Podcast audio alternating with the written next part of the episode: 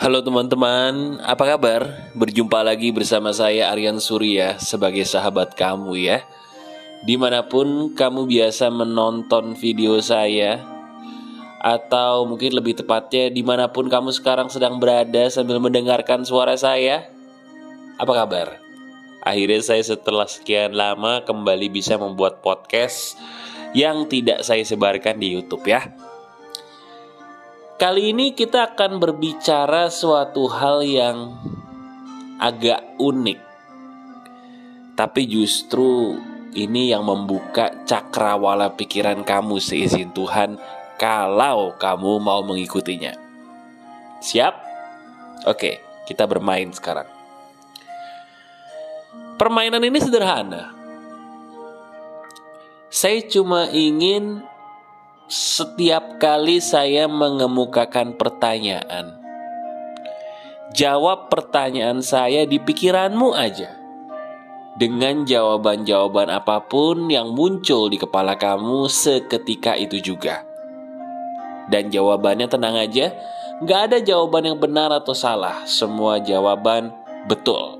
Siap ya? Pertanyaan yang pertama. Pernah nggak kamu bertanya seumur hidup kamu? Siapa orang yang pertama kali menemukan yang namanya detik jam? Benar. Sekarang coba saya pengen tahu bisa nggak kalau saat ini juga saya suruh kamu hitung dari 1 sampai 10?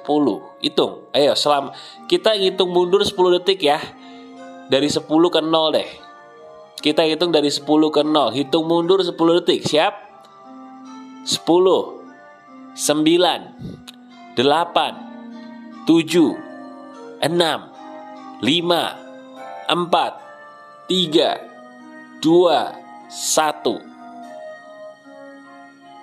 Pernah nggak sih kamu bertanya, siapa ya orang yang pertama kali menemukan bahwa ada yang namanya detik dalam jam?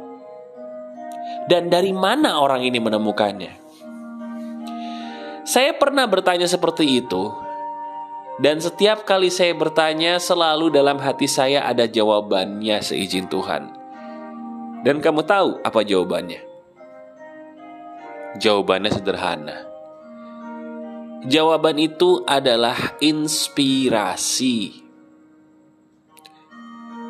Manusia zaman dahulu kala, saya yakin seyakin-yakinnya, mereka adalah manusia yang sangat dekat dengan Tuhannya.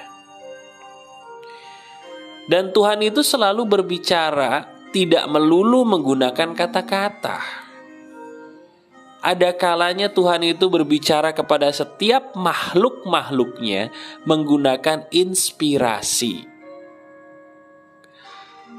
Apa itu inspirasi, Mas? Bedanya inspirasi dengan kalimat kata itu apa? Inspirasi itu biasanya berupa pemahaman. Pemahaman yang kamu nggak tahu kenapa itu bisa muncul begitu aja dalam batin, padahal awalnya kamu nggak tahu. Itu yang namanya komunikasi dari Tuhan kepada kita melalui pemahaman. Nah sekarang kalau gitu mas, saya pengen tahu. Tadi Mas Aryan bilang, orang pertama kali menemukan detik jam itu gara-gara inspirasi. Betul. Terinspirasi dari mana mas? Dari detak jantung manusia itu sendiri. Betul. Detak jantung manusia sehat. Satu detiknya, satu detaknya sama seperti satu detik pada sebuah jam. Manusia sehat itu satu menit 60 detak. Dari situlah akhirnya manusia menentukan bahwa inilah satuan waktu yang paling dasar yang bernama detik berasal dari detak jantungnya sendiri. Nah, sekarang pelajaran apa yang bisa kita petik dari ini semua, teman-teman? Jawabannya sederhana.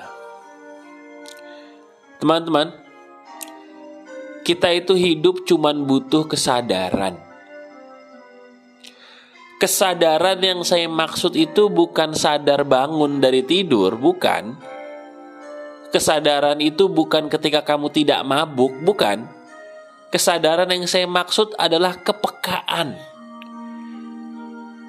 Kebersihan hati, kepekaan jiwa untuk bisa menyadari petunjuk-petunjuk Tuhan yang sebenarnya ada di sekitar kita.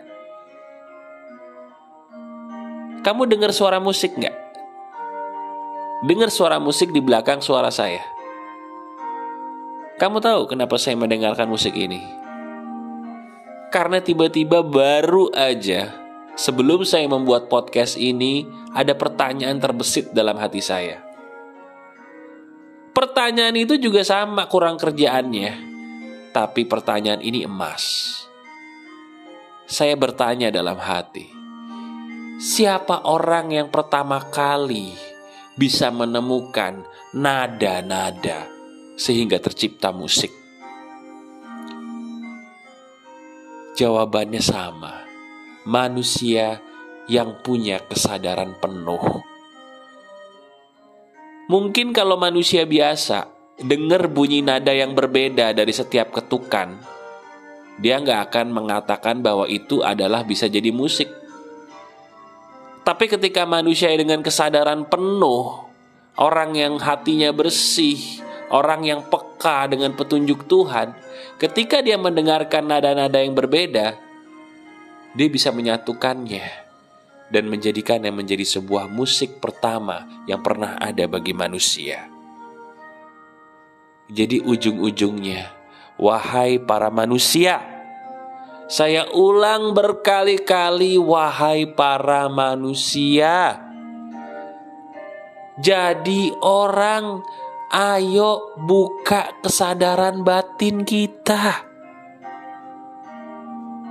Sidarta Gautama sampai ke titik pencerahan yang sempurna. Nabi Muhammad Shallallahu Alaihi Wasallam sampai ke titik pencerahan yang sempurna. Isa Al-Masih Yesus Kristus sampai ke titik pencerahan yang sempurna.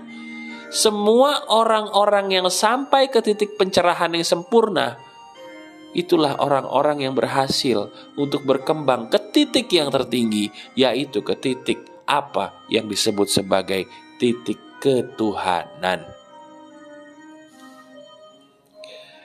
Saya sedih sebenarnya zaman sekarang nih teman-teman. Kenapa mas sedihnya mas? Orang-orang di sekitar saya banyak yang ngeributin hal nggak penting. Padahal nggak akan mungkin kita bisa mencapai titik kesadaran yang paling tinggi, teman-teman. Kalau kita masih meributkan hal yang remeh-temeh dalam hidup. Contohnya, kenapa kita harus sibuk ngurusin orang lain yang sebenarnya bukan hak kita untuk ngurusin dia? Contoh, kenapa kita ngurusin mantan sih? Bukannya mantan itu bukan urusan kita lagi. Kenapa kita ngurusin orang yang lagi di penjara sama polisi sih? Bukannya itu adalah hak polisi untuk mengurusinya. Kenapa kita harus ngurusin masa lalu orang lain sih? Bukankah itu hak Tuhan untuk mengurusinya? Kenapa kita mikirin keluarga kita broken home terus sih?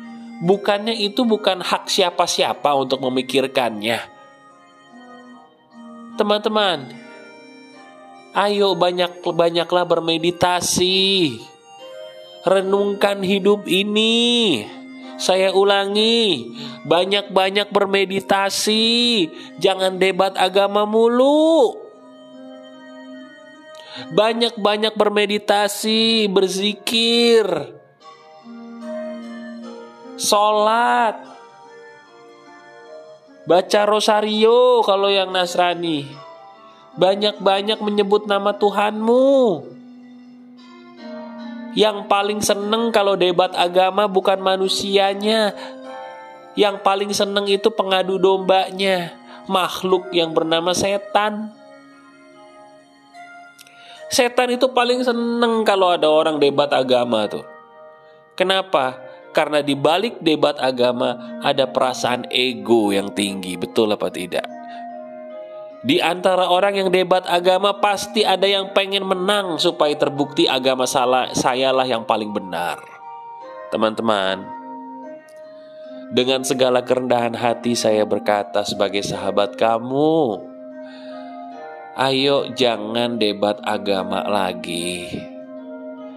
Kita sebagai umat beragama apa pun harus bergandeng tangan satukan keimanan kita sesuai dengan apa yang kita yakini, kita berbuat baik, saling mendoakan, karena setiap doa itu ada hal positif yang sampai loh kepada orang yang kita doain. Benar itu.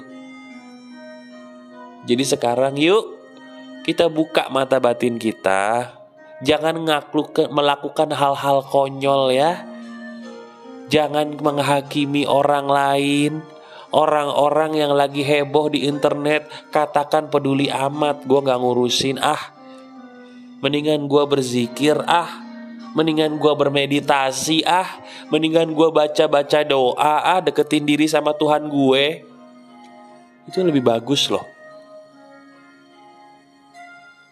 Yuk teman-teman, jadi orang tingkatkan kesadaran batin kita.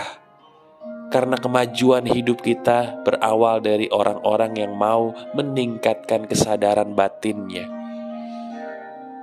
Lihat, kemajuan yang ada di depan matamu, kemajuan pesat bahkan yang ada dalam hidup kita itu bergantung dari kesadaran orang yang mau sibuk melihat ke dalam diri, bermeditasi, berzikir, bukan debat melulu. Yuk tenangin diri, bermeditasi, berzikir, beribadah. Lihat ke dalam diri kita masing-masing, bukan sibuk melihat keluar. Di situ ada kebenaran sejati. Masih ada saya, Aryan Surya, sahabat baik kamu dari pagar kehidupan. Selalu tetap keep the spirit, keep sharing, and keep loving. Bye-bye.